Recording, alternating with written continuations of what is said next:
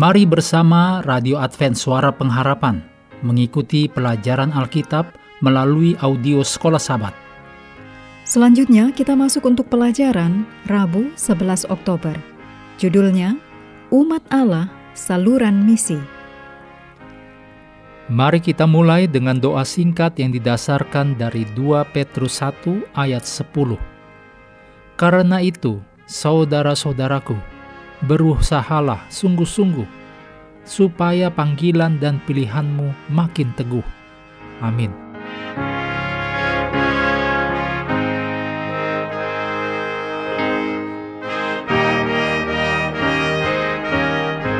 Sepanjang sejarah, Allah selalu memiliki umat yang menyatakan karakternya dengan setia dan dalam penurutan mengikuti maksud-maksud Allah.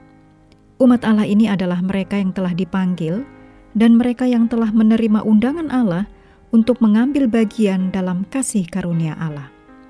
Semua orang ini telah dan akan terus menjadi instrumen Allah untuk menyelesaikan misinya. Dalam kejadian 12 ayat 1 sampai 3 dan ulangan 7 ayat 6, 11 dan 12 dituliskan tujuan Allah yang mula-mula bagi umatnya di perjanjian lama – Perjanjian Allah dengan Abraham dan keturunan-keturunannya memiliki sebuah tujuan khusus. Mereka dipanggil, dijadikan, dan diperintahkan untuk menjadi agen-agen dari misi Allah, menjadi saluran berkat bagi bangsa-bangsa. Ulangan 28 ayat 10, Yesaya 49 ayat 6. Tetapi, mereka telah dipilih dalam sebuah hubungan perjanjian dengan Allah, berdasarkan sebuah persyaratan iman dan penurutan yang tersirat. Kejadian 22 ayat 16 sampai 18, Keluaran 19 ayat 5 dan 6, Ulangan 28 ayat 1 dan 2, juga 2 Tawarikh 7 ayat 14.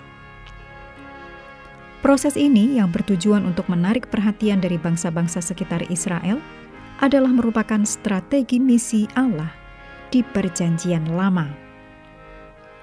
Dalam Perjanjian Baru, misi Allah terus berlanjut Tuhan dan Juru Selamat yang telah bangkit sekarang meluncurkan sebuah strategi misi yang diperbarui.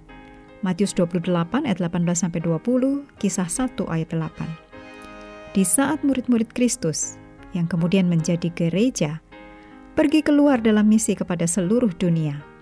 Dan bukan dunia yang datang kepada mereka seperti bangsa Israel di zaman dahulu. Misi tidaklah berasal dari gereja. Sebaliknya, Gereja ada karena Allah masih memiliki sebuah misi untuk dilakukan, dan Allah menggunakan gerejanya untuk menyelesaikan misi itu. Tetapi sebuah pertanyaan muncul: apakah misi gereja itu? Misi gereja adalah sama dengan misi dari Allah yang telah memanggil gereja, sehingga gereja itu bisa ada karena anak manusia datang untuk mencari dan menyelamatkan yang hilang. Lukas 19 ayat 10 Meski tak seorang pun dari kita yang ada dalam gereja dapat menyelamatkan orang lain, kita bisa dan harus mengarahkan mereka kepada satu-satunya yang bisa menyelamatkan, yaitu Yesus Kristus. Berikut ini kutipan dari Ellen G. White, Testimonies for the Church, jilid 3 halaman 381.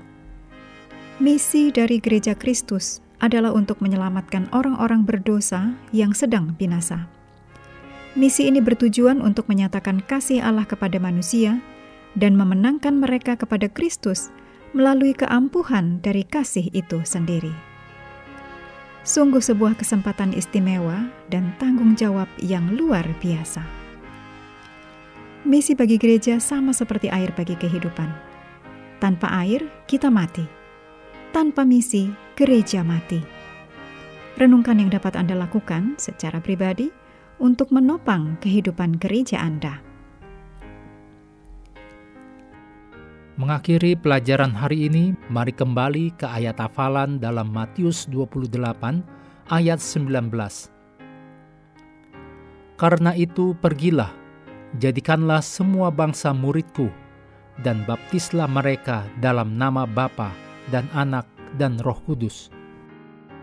Kami terus mendorong Anda mengambil waktu bersekutu dengan Tuhan setiap hari, baik melalui renungan harian pelajaran sekolah sahabat, juga bacaan Alkitab sedunia, percayalah kepada nabi-nabinya yang untuk hari ini melanjutkan dari Amsal 8. Tuhan memberkati kita semua.